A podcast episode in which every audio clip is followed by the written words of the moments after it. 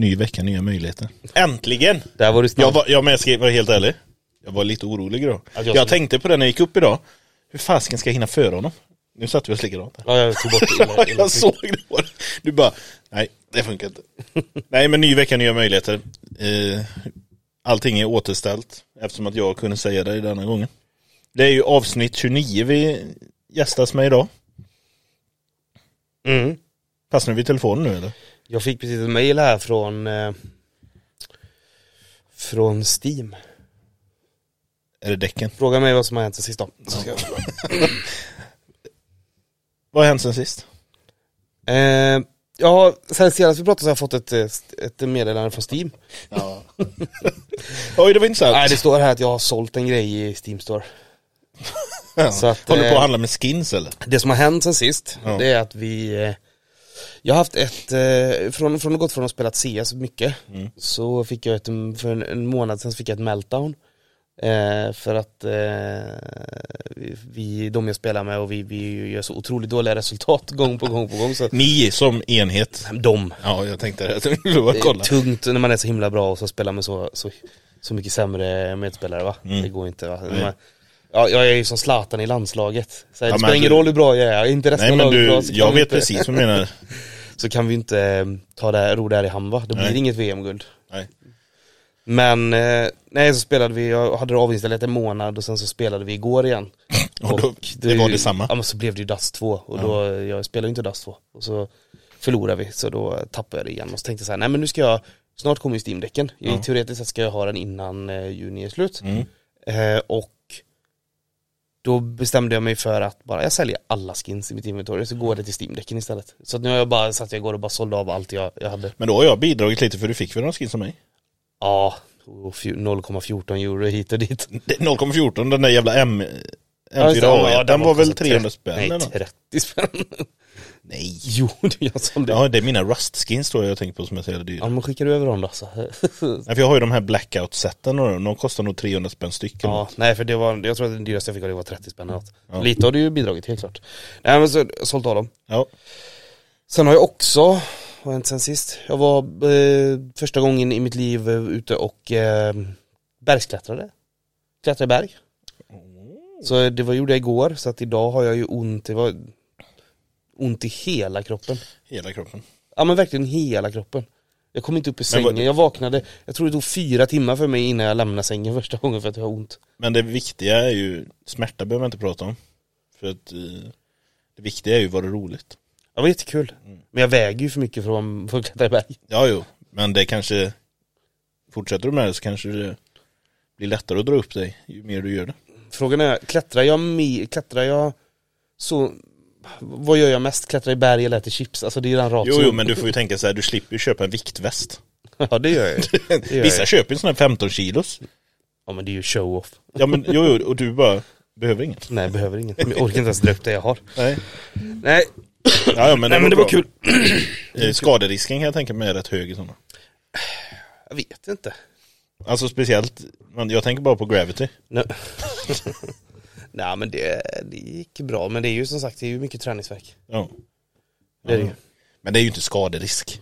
Nej nej nej, men Nej. Ja, men det är ju hemskt. Så dagen efter. Ja, ja, det är ju fruktansvärt. Speciellt när man först vaknar och öppnar ögonen och börjar röra sig och man känner Nej. grej för grej gör ont. Det är ont att bara sitta här i soffan nu. Sitta ner gör ont. Ja. ja. Nej men det är väl bra, då har du varit igång lite Jaha ja. i veckan. Sa du vilken, eh, vilket eh, poddavsnitt det är? För att Ja. visa att vi har koll. 29. Det sa du inte va? Jo. Sa du det? Jajamän. Inte jag Men på du det? satt ju och kollade din Steam-mail. Nej jag lyssnade inte på dig. Nej. Det är ju jag everyday. Jag är van. Vad har hänt sen sist eh, hos dig då? Hos mig, vad fan kan det ha hänt? Inte mycket faktiskt. Det har varit en riktigt lugn jäkel. Det har varit många födelsedagar. Det, det är en grej jag funderar på. Förra veckan så är det två födelsedagar och sen är mors dag på helgen nu. Det händer för mycket.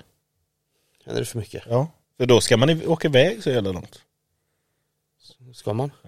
För jag var i Göteborg förra veckan. Alltså för exakt en vecka sedan på födelsedag. Jaha. Och sen var jag på födelsedag igår. Och det är mindre än en vecka däremellan. Har du för många vänner då? Hur kan det här vara ett problem? Ja men det är bara Du har så små problem. Ja, tänk hur hårt mitt liv är. Ja, nej men okej, för många, det är för många födelsedagar och Ja. saker som händer. Ja, men annars, annars har jag nog eh, försökt att vrida lite dygn igen. Så mycket, jag kan vara lite äldre. Jag var ju inne i en bra flow. Typ en vecka. Det var, det var flera veckor. Var ju inne i en bra flow där, kom upp klockan sex varje morgon. Den En är vecka. helt söndrig nu. Ja, det vet jag väl. Ja. Nej, men det visste jag, det var i... Och det är på grund av födelsedagar. Nej, det har varit så länge, jag har inte väckt dig på morgonen. Skjut inte ner mig nu. Nej, Ja, ja, ja. nej men så det har varit en lugn vecka för mig. Det får jag säga. Väldigt bekväm. Mm. Jag, eh, jag glömde en sak som jag gjort som jag inte brukar göra. Det var ju att jag hade en, eh, vad ska man kalla det? Jag, jag skulle inte vilja säga föreläsning för det låter för, eh, men jag hade en, en genomgång. Eh, En presentation en, skulle jag ja kalla men det. presentation är en bra, bra ord tror jag. Mm. En presentation för ett annat bolag då kring performance i Entity Framework. Core. Men det är bara en liten instickare. Heter, fort, jo, det heter fortfarande en framework core va? Ja, alltså allting, även .NET heter ju egentligen eh, .NET Core.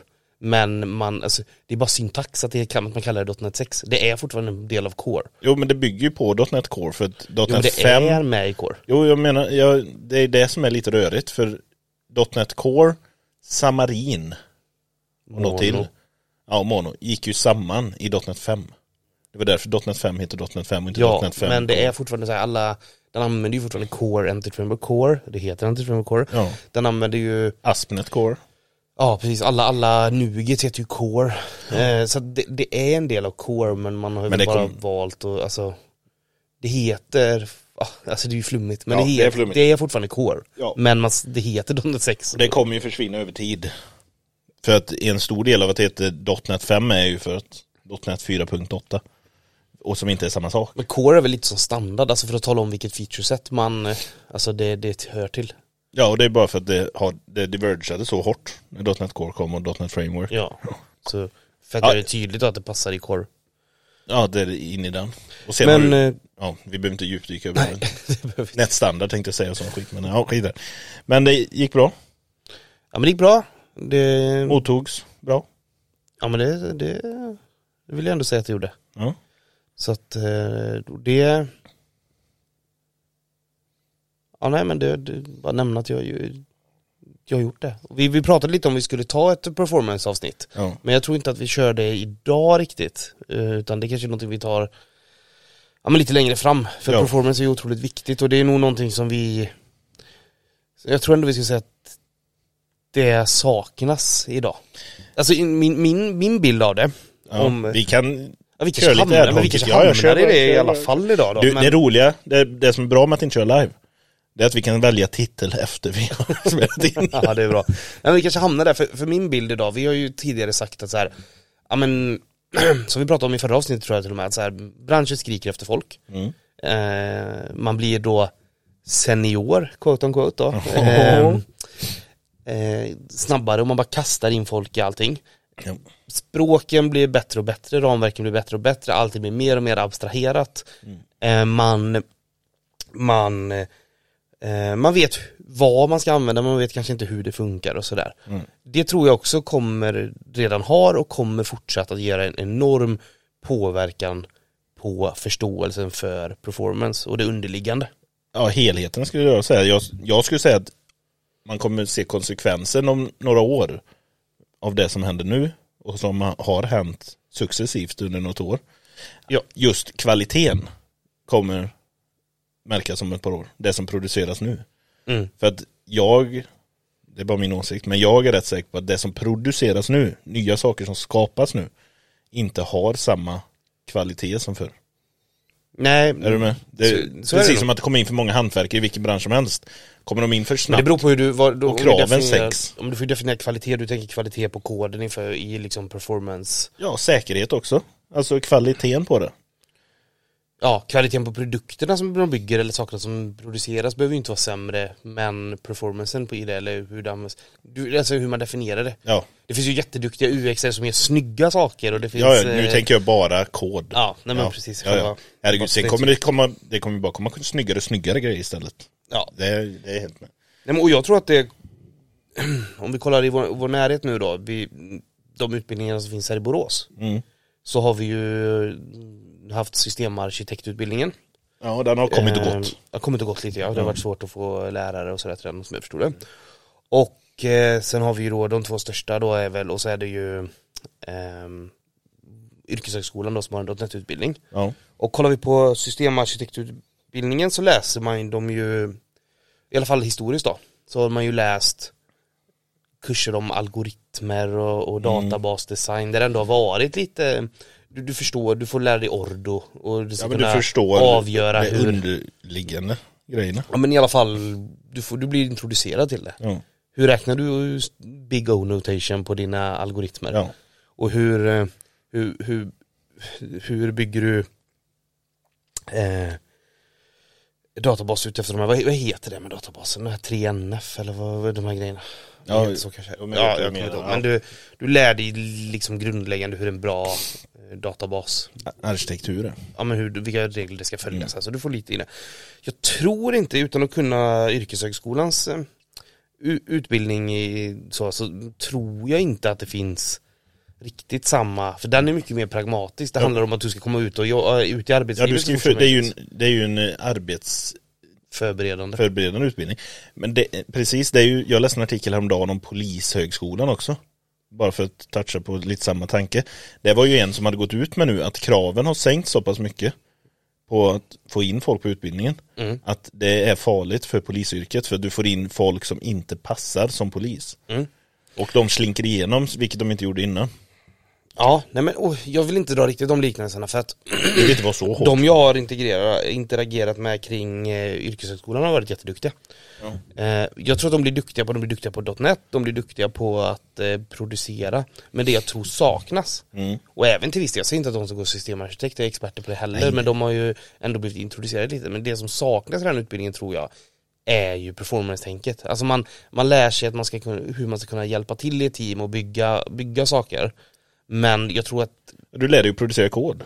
Ja men precis, du lär dig är- producera kod. ja, ja. Men jag tror att ansvaret kommer öka på företagen sen att introducera dem, det, de tankarna. Ja, och de kommer nog missas och introduceras. Ja för det, vi, För tiden flyttar, fly, istället för att folk lägger mer tid på att lära sig så behövs det mer folk och då finns det ju inte heller tid i mottagande ände. För det behövs ju folk, det är brist på folk. ja, men vi precis, har och inte- det blir ju lite en ond cirkel. Ja men det är det jag menar. Det är därför jag sa det här att vi kommer, jag tror, min åsikt bara, det är inte någon jäkla akademisk eh, ja, men vi gissar. studie något. Den här podden, Ja, vi jag gissar. Vi ska sitta och gissa. Om ett par år så kommer vi märka resultatet av detta. Precis som många andra grejer i samhället, alltså när kraven släpps och bantas ner så märks ju de ett par år. Alltså ta vad som helst, alltså vilken bransch som helst. Ta vilken jäkla statlig grej som helst. Så fort kraven sänks så kommer man märka konsekvenserna av det, att det har blivit mycket sämre efter ett par år. Ja, men, och det är ju också, mm, jag tycker vi märker det redan nu, alltså det saknas eh, kompetens och förståelse om, om performance i det man bygger. Ja, och kvalitet. Jag skulle till och med dra det lite längre. Mm. Performance är ju ett lätt sätt att mäta det Men på. vad är kvalitet mer då? Eh, Det beror på vad du lägger i performance. Lägger du till exempel krascher i performance? Att saker kraschas, korrupt data helt plötsligt. Nej, det gör jag nog inte nödvändigtvis, men det har jag inte varit med om under jag skulle säga de senaste sju, åtta åren har jag aldrig varit med om det i alla fall. Om krascher. Ett system som bara kraschar på kraschar och kraschar hela Ja, tiden. nej, nej. Nej, det har Det jag. kanske är uppenbarligen så att vi skriver med så himla mycket kvalitet då. I, i mina Ja, team. du är ju inte inkluderad i I detta. mina team. Vilken, vilken kvalitet vi har. Ja. Ja, men inte Nej, den men- typen av Nej, men vi kan, vi kan, vi behöver inte bredda det så mycket. Men ja, performance. Det är ju den största skulle jag säga. Mm. Och jag, har kost- ju, jag har ju en intressant, eh, jag, eller jag har ju, en, intressant vet jag inte, men jag har ju en, liksom en anekdot jag alltid drar när vi pratar performance och det var ju så här, vad kan det ha varit, två, två tre år sedan nu då? Mm. Eh, så eh, var jag med och eh, hade hand om en, eh, en Google Cloud-miljö Mm. Eh, och där man då ville eh, där man kom till mig och sa att ja, men vi skulle vilja öka ramen på den här burken för den, den presterar lite dåligt. Mm. Och så, jaha, och så, ja men så kunde jag titta på det så, då hade man jag vet inte, nu kommer jag inte ihåg, men säg att det var 30, en server då med en, en, en liksom monolith-applikation. Ja, ja en VM. Ja, en VM ja, Ja, med en monolith, alltså det är inga, inga microservice, ingenting, utan det är en applikation som kör på en IS. Mm. Eh, servade, pff, vad kan det ha varit, 50-100 pers kanske, någonstans där i den, så ingen jätteapplikation.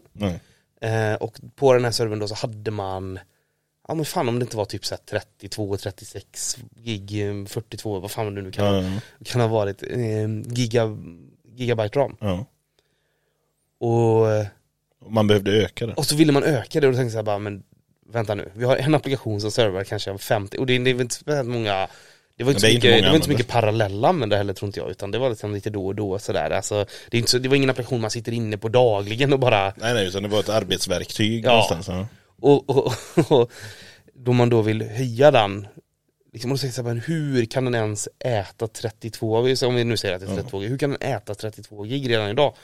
Det, det känns inte rimligt att säga, men varför? Så bara, Nej, men vi vet inte, men det, den blir seg och det liksom kraschar och, och Ja. på. Så det slutar med kort, korta versionen av det då att jag hoppade in i koden och kollade lite och hittade ett par olika eh, minnesläckor då Ja. som gjorde att det till slut bara åt upp all, eh, Ja, allt minne på, Ja. på servern. Så vi fixade det och så var allting bra. Ja. Och kunde man till och med gå ner i, hade kunnat gå ner i minne Ja, om man spara ville. pengar. Om man ville. Ehm, och den tycker jag är intressant då, för det här är liksom Det här var ändå ett bolag som är supertech-inriktat där eh, man har då seniora utvecklare, air quotes. Ja. Det går inte, vi kan inte använda det längre så som vi pratar Nej om det är ju förstört nu. Liksom, man kan liksom inte säga senior längre. Men, Nej. men, men där man, Erfarna. ja, men där man liksom istället för att gå till, rot, gå till roten då, Ja. vad, vad är problemet? Så vill man bara lösa symptomen hela tiden. Ja. Och, till, och du, jag vet att du har haft bra inspel på det, jag vet att du gjorde det vid något tillfälle, lite uträkningar på vad dålig performance Alltså dålig performance är nästan ännu värre nu när man går mot en cloud-miljö Ja, där det är så lätt att Där det är så skala. enkelt att skala bara, Ja. man bara Ja ja men ah, det går segt, ja, men du vi är ju på cloud, vi skalar Ja. Och vad det ger i, jag vet inte vad det kallades, giga, när du räknade per minut, Jo, jag- kostnadsminuter liksom Ja precis. Eh, Giga, var det inte gigabit-dollar eller något? Ja, no, jag kommer inte ihåg. Jag kommer ihåg vad du refererade till. Men jag kommer inte ihåg vad fasiken hette. Jag gjorde en sån uträkning. Ja och liksom det är ju och det är så enkelt att bara klicka upp mer och mer och vi skalar, vi Ja, skalar du är ju autoskalning, du behöver inte ens klicka. Ja, och i det här fallet att skala vertikalt liksom, Ja. ökar istället för fler burkar då så ökar man en burk. Ja. Och, och det, det är ju också skrämmande, eller Jo, men- skräm, det låter så dramatiskt, Jo, men det, skrämmande, nej men det, jag tycker det är skrämmande för det är ju det Tänk om det hade här, varit åt en kund då om man gjorde det till exempel. Ja men det är ju i slutändan är det ju en kund. Ja, det, För att det är ju det vem betalar hostingräkningen. Är det, det är ju alltid kundpengar i slutändan. ja. Och det är ju det, det är ju lite, Men det är ju en brist på, alltså det är ju en brist, det visar ju att det finns en brist på förståelse vad det är som gör, för jag tror inte att man gjorde det av lathet eller av nej man att, visste ju inte. Jag tror, nej, men jag tror inte man visste vad man skulle leta efter. Nej, och det är ju precis, och det är ju det jag menar med det här att vi kommer märka om ett par år tror jag.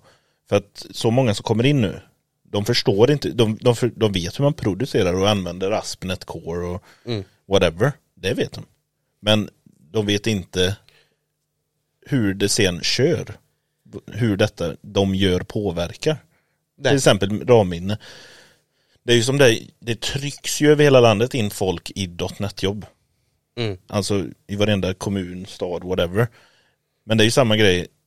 Majoriteten av de som trycks in nu, forceras in. De har ingen aning om minneshantering. Nej. De vet bara hur du Antagligen, använder är, .NET. antagligen, alltså det är ju så det känns i alla fall. Ja. Nej, precis. Gissningarna är ju det jag upplevt. Ja men säga. gissningarna är ju att programmering blir ju mer och mer, eh, och vilket är jättebra men det blir ju mer och mer lättillgängligt.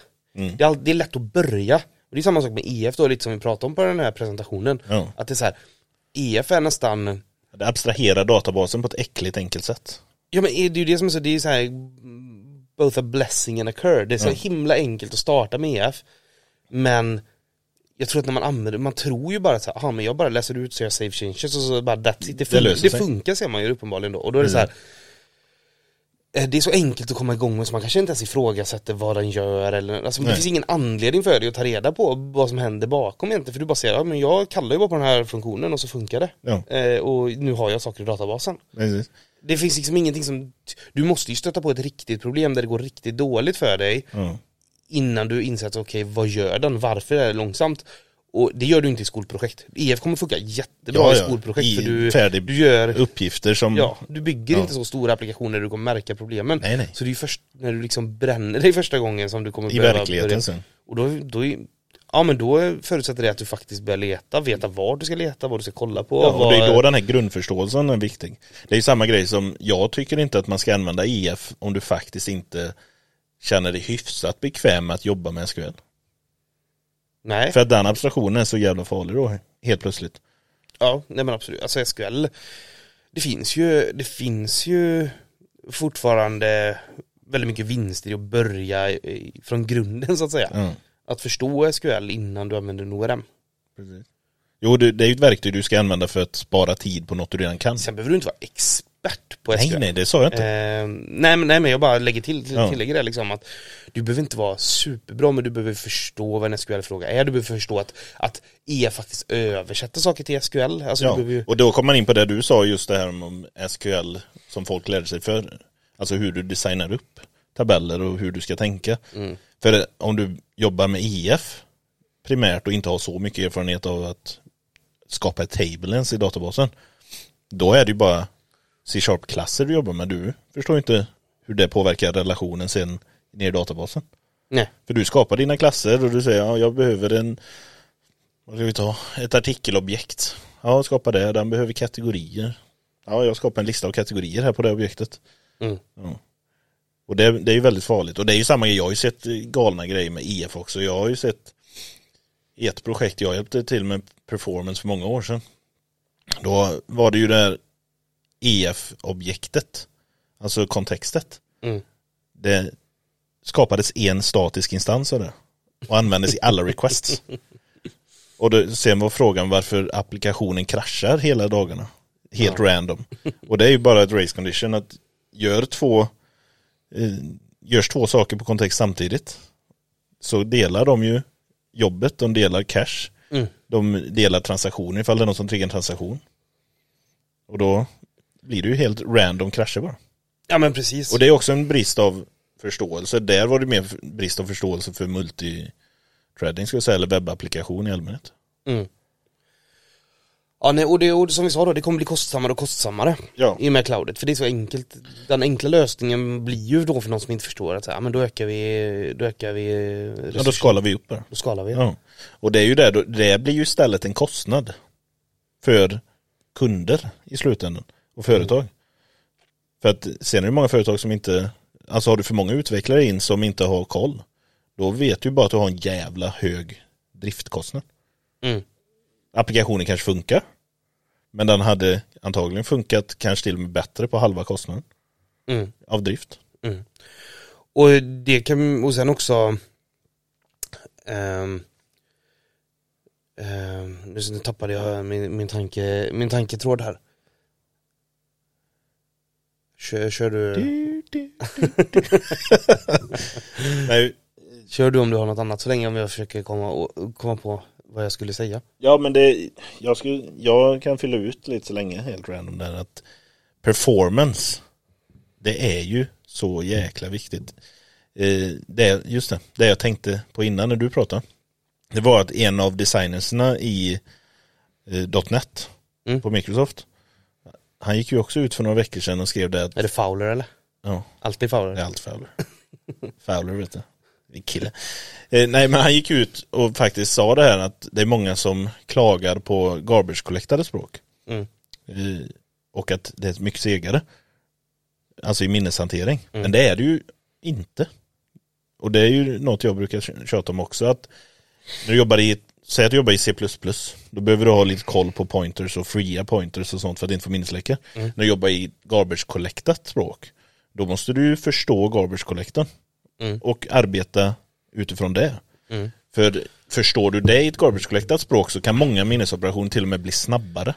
Jo men att det är garbage collectat betyder inte att du bara kan skita i allting. Nej men det är ju så jag är orolig att många utbildningar Alltså de inte touchar på sånt. Jag tror inte ens de pratar om garbage collector. Nej jag tror inte, jag tror inte de talar, talar om minneshantering, allokering överhuvudtaget. Nej, Inte någonting. nej det tror jag inte. Men på min tid redan på gymnasiet min tid, jag är gammal. Så redan på gymnasiet, på en IT-inriktad gymnasieutbildning, så fick vi lära oss assembler. Mm. Vi började ju med, när jag, när jag pluggade så började vi med eh, assembler, sen gick vi till basic, sen gick vi till Haskell, sen gick vi till Ja. prolog och så hela C. eh, Ja, hela hela, kedjan. hela vägen. Ja. Men, nej men det, det jag ville säga.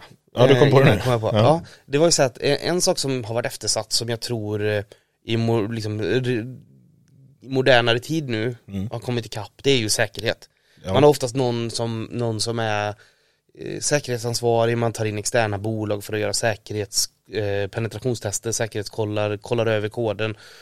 Eh, och det, det tog ju nog ett bra tag innan vi kom hit. Jag tror att det dels har med så GDPR liknande lagstiftningar att göra. Som har det, tvingat in det. Ja, och det, det kommer med liksom olika, ja men det, känns nästan som att det på, på liksom eh, på, på lagstiftningsnivå har gjort att vi, att vi Man måste branschen tänka behöver tänka på det mer och hinna ikapp och ehm, jag tror också att det finns eh, mycket storbolag som gör att, eh, som sätter högre och högre krav som gör att det liksom smittar av sig på branschen som helhet. Ja. Och, och i takt med att all, all hacking ökar, alltså det är ju jätte, man läser ju var och varannan dag om Ja, ransom, dataläckor, ransomattacker.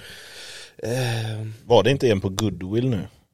ja det vet jag inte. Det var något att de tvingade, för att låsa upp det, så tvingade de att folk donerade pengar till välgörenhet eller något sånt där skit. Ja okej.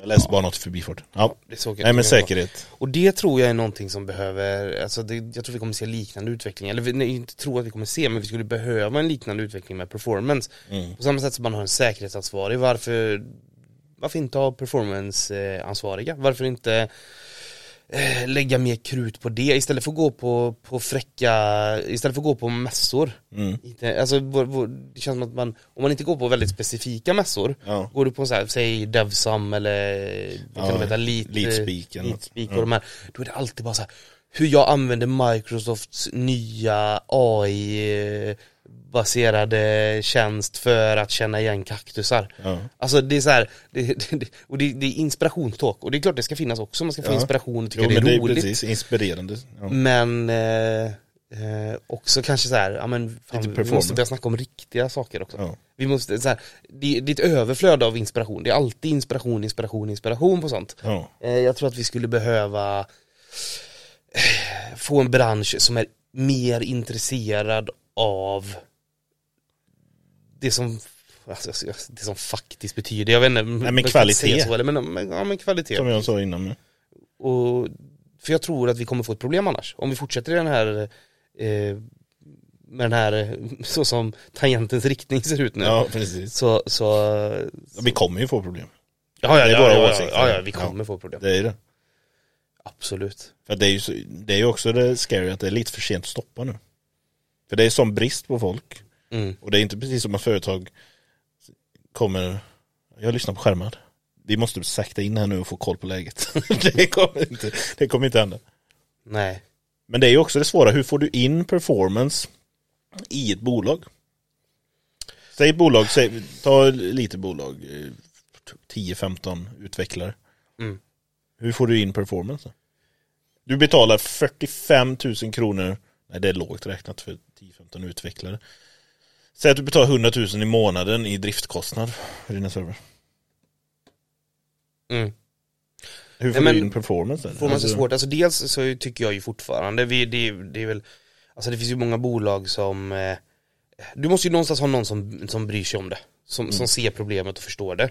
Eh, förhoppningsvis sker det redan på ledningsnivå, eh, så att man kan, man kan eh, börja där. Precis. Sen behöver då ju- kommer vi in på det med teknisk förståelse i ledning. Ja, och jag, jag vet, jag, jag visste inte om jag skulle gå in den vägen, Jo, men jag- vi har ju pratat om det mycket, att det sitter för många på positioner eh, som inte kan det tekniska. Nej precis. Eh, När de pratar som de kan det ofta men, ja, CTOer som sitter och inte har någon jävla aning om vad de, Ja. vad de pratar om. men du behöver inte vara negativ på det också. Eh, nej vi ska inte vara Performance är Nej men det måste, om det, om, om, man hoppas måste du börja i ledningen någonstans där, det är så här, där måste förståelsen finnas. Ja, det måste ju förankras Finns på något sätt. förståelsen där, vem tar då initiativ, vem ser till att det finns budget för det, vem ser till att, eh, att det Att det läcker neråt. det. Ja. Sen förhoppningsvis har man också en eller två utvecklare någonstans som tycker att det är viktigt och roligt. Ja. Eh, och sen handlar det om, tror jag, att bara fokusera på det. För en sak jag upplever är att när vi pratar kompetensutveckling på bolag, Mm. då är det alltid, alltid, alltid prat om att det måste vara roligt för utvecklarna. Och det måste, vi måste göra någonting kul och inspirera.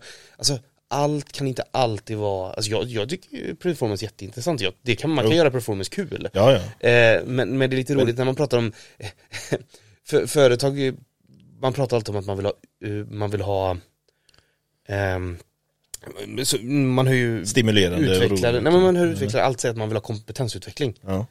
Men det ska ju alltid vara senaste JavaScript-ramverket. Ja, jo, alltså ja, det, ja, det, den, det blir ju också så här, det, det, fattar jag det finns ju aldrig någon utvecklare som säger men jag vill kompetensutvecklas och så vill man göra det på riktigt. Det handlar ju bara om att ploj och lek och testa nya, nya, nya, nya ramverk. Ja. Det är ju det. det är Jo men det är ju alltid det. Och det är väl också lite det här, Skulle, nej men det, för det, vi var ju med när vi jobbade tillsammans. De gångerna eh, som det var kompetensutveckling Ja. och man inte fick välja helt fritt Ja. som utvecklare, då blev det ett jävla liv. ja, ja. För det var nog så här, det här, när, när bolaget sa att det här skulle vi det här är vi för dåliga på, det här behöver vi lära oss, vi Ja, behöver att ni, ni kan det här. Ja. Det här är kompetensutveckling som behövs. ja. Ja, då blev det. Det, för det ska bara vara hopp och lek och regnbågar. Alltså, Ja, och det är ju också, det är också en sån jävla, det är ju bortskämd bransch. vi har sån jävla, en sån jävla, fan vad utvecklare Ja. är bortskämda, Ja. jävla snorungar alltså. Ja, ja, men det är ju bra. Jag, jag tänkte, när du sa det så tänkte jag på han Hadi från JetBrains. Ja. Han har ju det här Silver Bullet Syndrome talket som har kommit, han, jag har inte kollat på del två nu för han gjorde en refresh av den. Okej, ja. Men där pratar han just, en del av den, det är just det här med frågan, du som utvecklare. Han hatar ju också det här med att det hela tiden ska vara det senaste ramverket som ska Ja. användas hela tiden. När, när behövde du som utvecklare ta ansvar för dina val? ja. Alltså om du propsade igenom att vi ska använda det senaste JavaScript-ramverket, behövde du ta ansvar för det sen när det sket sig här borta? Och det är ju intressant, bara när du ändå är inne på det. Ja. För då kan vi få in lite på så här, oh, men hur ser branschen, vart är branschen på väg? Mm. Och det blir ju mer och mer, alltså dels har vi ju väldigt mycket konsulter, så är det ju. Ja. Eh, det är de flesta, även produktbolag eller större bolag har ju, Har ju- mycket konsulter ja. inne i sig. Och då, när det sitter konsulter och, och, Och propsar på de beslut, nya, ja. och sen är de borta om ett halvår. Ja. De som du, men du har ju pratat lite om det här med att ta ansvar för sina val. Ja. Och som konsult så är det inte alltid säkert då, vi, vi pratar säkert om det i något avsnitt va? Ja, vi har Eller har vi, har vi pratat om det utanför podden? Det är lite svårt att komma ihåg. ja, jag vet inte, men vi har touchat på det någon gång. Men att just ta ansvar för dina val. Ja, och då, Både, kom, ja. då kommer vi dit. Ja. Men det gäller ju både konsulter och eh, som anställda. Ja, men chansen att du ser resultatet av Ja, ditt det. val är ju Mm. mindre som Som konsult. konsult ja. För det är ju många konsulter som bara, ja, jag var där borta och hjälpte dem att sätta en React eh, med Redux. Det låter som du pratar med mig. Ja. Nej men det hjälpte dem att göra det.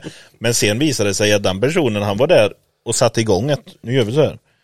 Sen att det tog fyra år att nå fram till en produkt som faktiskt rullade bra. Han var ju inte kvar efter första året. Nej, men, Men han- sen behöver man inte alltid vara konsultens fel. Det kan ju vara att bolaget inte längre har tid och möjlighet Nej, att de inte, och då är ju felet att konsulten var den som fick ansvaret att starta det.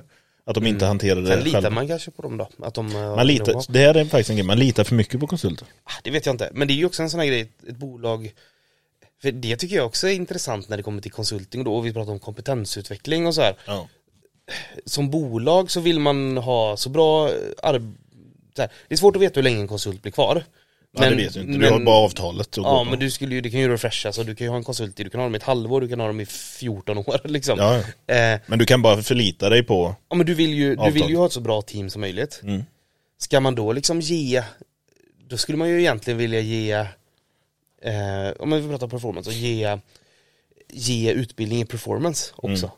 Men så kanske du ger massa utbildning till en konsult som sen då försvinner och så tappar du Ja. mycket av den know-howet i ditt bolag Så det är också en svår, så här, hur Hur bygger man kompetens som Vart stannar kvar i bolaget då, om du har till exempel alltså nu, nu är det farligt med, för ja om det är många konsulter, men du ska ju bygga kompetens på dina anställda. För det är ju också det här konsult med tanke på att it Men du kan ju inte lämna dem helt utanför heller Nej men konsult, det är ju också det här som jag har nästan blivit upprörd över nu. När jag tänker på det. Det är ju det här att konsult är ju så snuskigt i världen nu. Det är precis som, innan var det ju där, vi tar in en konsult för han ska hjälpa oss med detta, han är expert på detta. Innan var det så här, du, som konsult kom du in och förväntades att du är jävligt bra. Nu är det ju mer konsult nu, det är ju en anställd som vi inte kan anställa själva. Ja men det är det ju. Och det, förr i tiden var det ju inte nej, det finns, olika, det finns olika konsulter. Nu, Jo det jag- finns ju självklart olika. men jag ska säga, du kan ju ha ett, om du inte har ett eget IT IT-kompetens överhuvudtaget, då kan du använda den som en extern konsultfirma för att ha ja. ett IT-bolag. Men ordet konsult för mig, det touchar vi lite på som, precis som seniorordet. Ordet konsult för mig, det är någon som är jävligt bra. Det är inte bara en resurs. det är nog ditt, Manpower. det är nog ditt eget, eh, det är Jo fast ditt inom eget min, ja ja, det är min åsikt bara. Men ta manpower till exempel, där är ju en konsult en Det arbetsresurs. det är du som har bundit upp, tror jag, saker kring ordet konsult. Ja ja, det är ju min feeling bara. Mm. Ja ja. Men det, det är ju det det jag menar, jag tycker det är lite smutsigt att just nu är det konsult, de kommer in och ska jobba och så ska de utbildas och så vidare. Men det är ju på grund av att konsulter i IT nu är ju precis som en manpower-konsult, det är ju bara en resurs. Men innan, det jag menar, min syn på konsult innan, det är ju någon som faktiskt kommer in med expertis som hjälper till med något stort och alltså vi har inte kompetensen. Vi tar in konsulten, vi ska självklart utbilda våra anställda. Men vi ska inte behöva utbilda konsulten också för då är det ju bara en resurs du tar in. Ja, och nej men så Det är är ju inte kompetens du tar in när du tar in en konsult, du tar in en resurs som lägger timmar. För sen ska du utbilda konsulten också. Ja, det, det beror väl på. Men det är min uppfattning bara. Jag var väldigt noga med det. Jag är ju liksom öppen. Ja. men det finns olika saker. En sak som vi ser mycket eller mer och mer är väl också egenkonsultandet. Ja. Ska vi komma in på det också nu? Jag vet inte om vi ska det. Men det, är ju, det, det låter som det är det du menar i min värld. Ja. Att det är Det, den... det, är lite, det är nästa steg av det som redan är lite trasigt i min definition av konsult IT-världen. För både du och jag har ju, vi har ju jobbat i konsultbolag. Och jag menar, jag, jag köper inte riktigt under de formerna vi jobbade då, köper jag inte riktigt på det du säger nu. Nej, det var jag säger inte- nu då, då, då är- kom vi, ju- är- Nej men det är därför jag menar, jag undrar om du är mer eller mindre på egenkonsulter eller någon sån här enstaka konsulter. För man kan ju, man kan ju som bolag prata med ett konsultbolag och bara jobba på projektbasis, lösa det här projektet åt Ja. oss.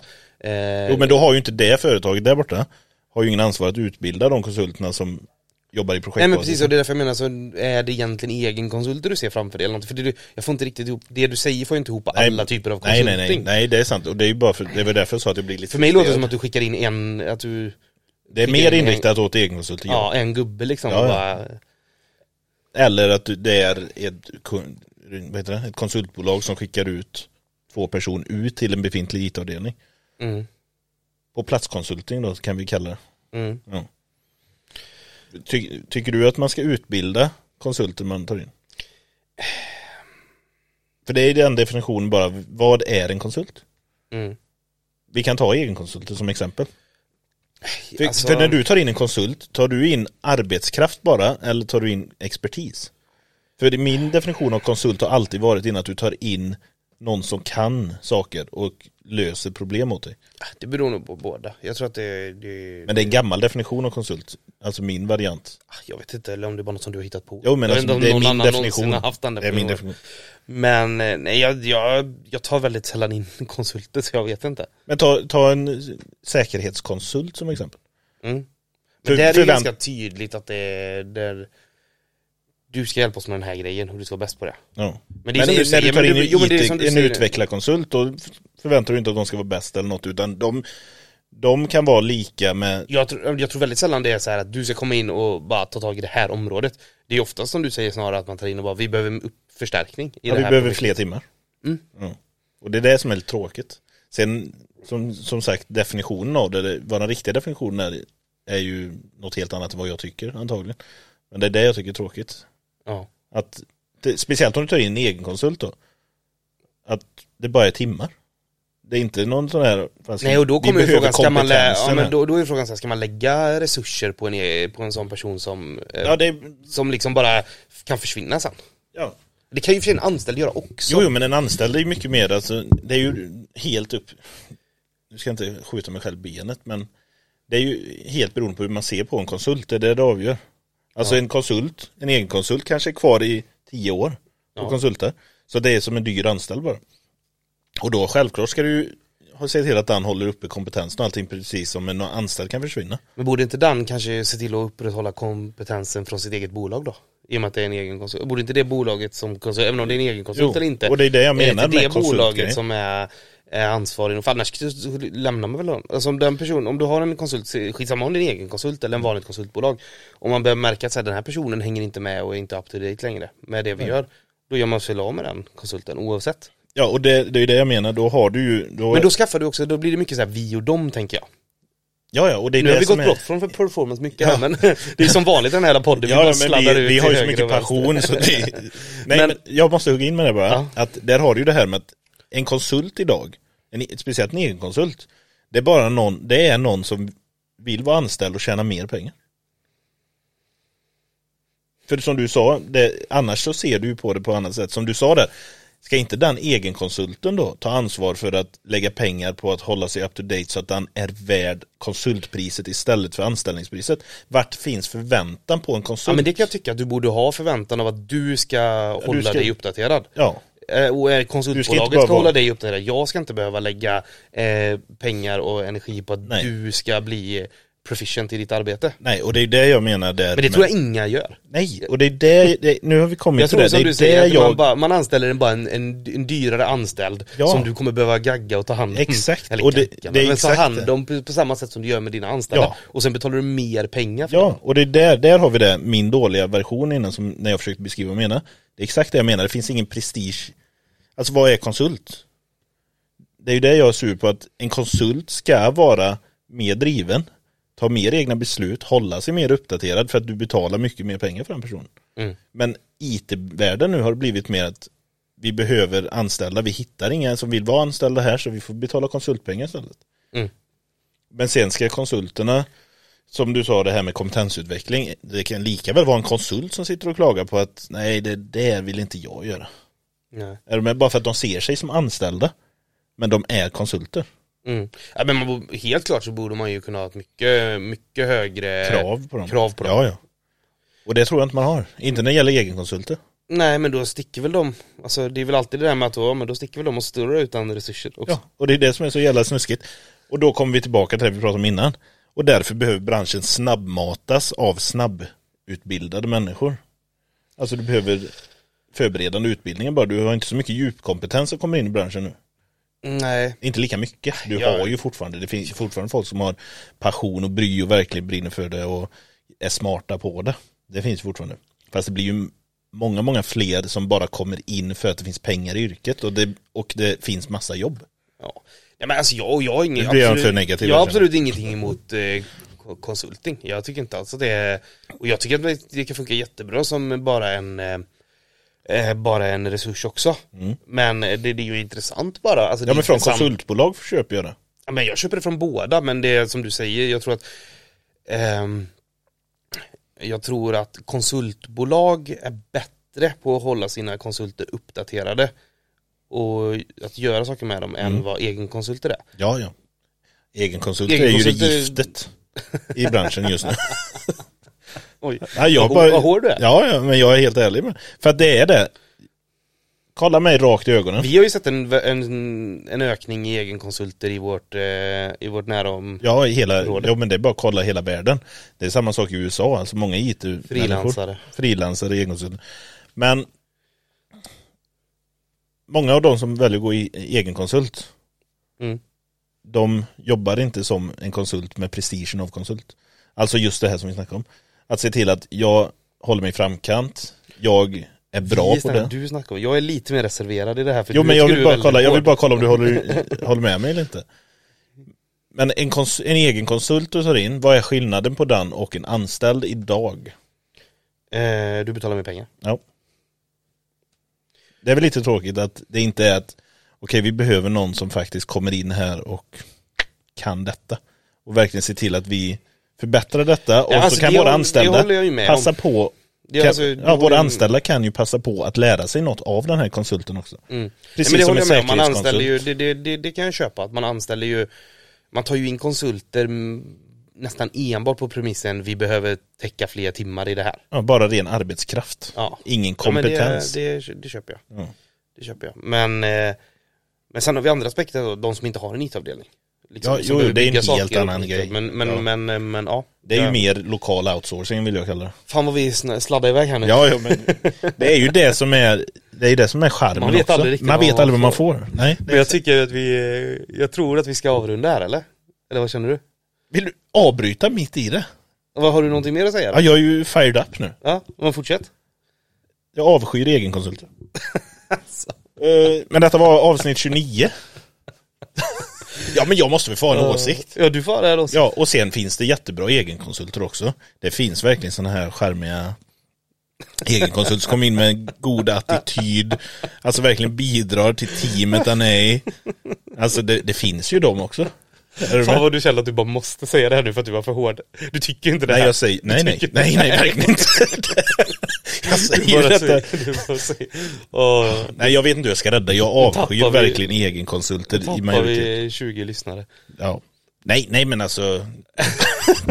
Nej men du får tycka det. Ja. Och jag men kan sen också, finns det jag bra också, egenkonsulter också. Det är Nej, inte men jag jag, säger. jag, kan hålla med om att det är en problematisk, jag är inte riktigt så hård som du är, men det blir en problematisk, jag kan hålla med om att det är en problematisk utveckling med mer och mer egenkonsulter ur aspekten hur ska man bygga teamen och hur ska man bygga om kompetensen då, vi kommer tillbaka till det med performance, hur ska vi bygga kompetensen i ett team där, där det finns en person som eh, på ett sätt inte bryr sig om eh, eh, ditt Bolaget företag och ert kultur. Nej. Den skiter ju, näst, när den hittar ett, eh, eh, ett, bättre. ett bolag som betalar mer, ja men då sticker den dit.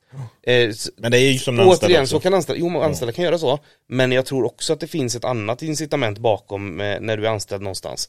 Eh, för det finns ju också något som gör att alla inte går att bli egenkonsulter. Ja, ja. Dels för att man kanske inte tycker att det är jobbigt, men också för att Vissa man... uppskattar andra delar utöver bara jaga högst lön. Ja men precis, så att det är klart man kan alltid dra samma, man kan alltid dra samma argument för anställda, de kan också göra samma sak. Ja. Men jag tror ändå att man bygger en sammanhållning med folk. Och det är så här, hur bygger vi en sammanhållning med med konsulter, det är ju svårt. Men det är ju så Ja. branschen ser ut och det är ju det man behöver lära sig att så här, hur bygger vi och vart lägger vi våra kompetensutveckling? Ja. Det, det, det, det, det var ju därför vi hamnade Det här. var det vi För att, snöade så här, in på. hur, hur, hur, hur ser vi till att kompetensutvecklingen hamnar på det stället där bolaget får mest nytta av det?